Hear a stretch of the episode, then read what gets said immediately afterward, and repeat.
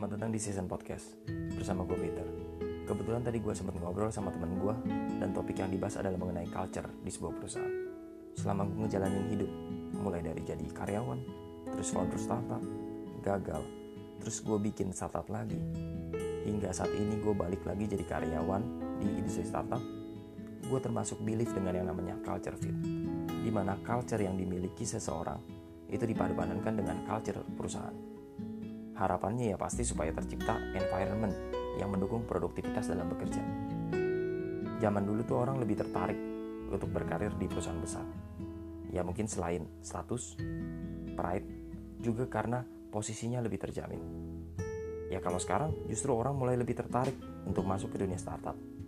Bisa dibilang salah satu faktor utamanya karena culture yang lebih menawarkan fleksibilitas beda banget lah kalau misalnya kerja di perusahaan besar itu gap antara job position satu dengan yang lainnya itu kerasa.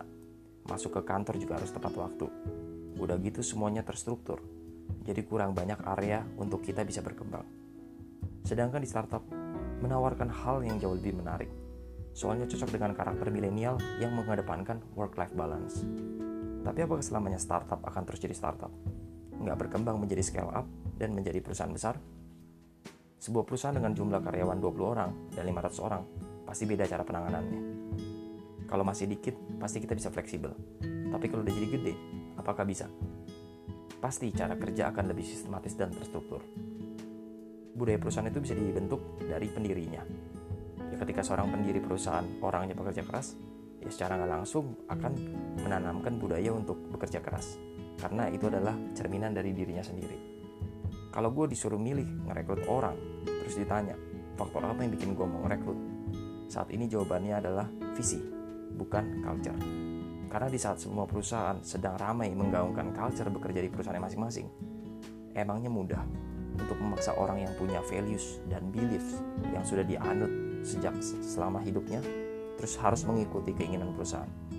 Ya bisa saja dengan berbagai cara, misalnya dengan membuat activity, tapi mau sampai kapan ngelakuin activity terus-menerus? Sampai orang culture-nya sesuai dengan perusahaan.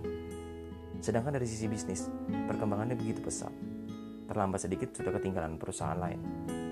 So, for me now, culture is bullshit. Gue bukannya anti dengan culture. Tapi kalau lihat dari begitu cepatnya bisnis harus berkembang, pasti gue lebih milih kandidat atau karyawan punya visi sama dengan perusahaan. Karena ketika lo udah punya visi yang jelas, mau ngapain di perusahaan, itu akan jauh lebih baik daripada sekedar cultural fit.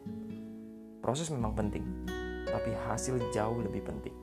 Buat apa punya karyawan yang culture-nya sesuai, tapi nggak tahu harus berbuat apa dan apa tujuannya ada di perusahaan ini. Itu jauh lebih berbahaya. Thank you for listening. Sampai jumpa di episode selanjutnya.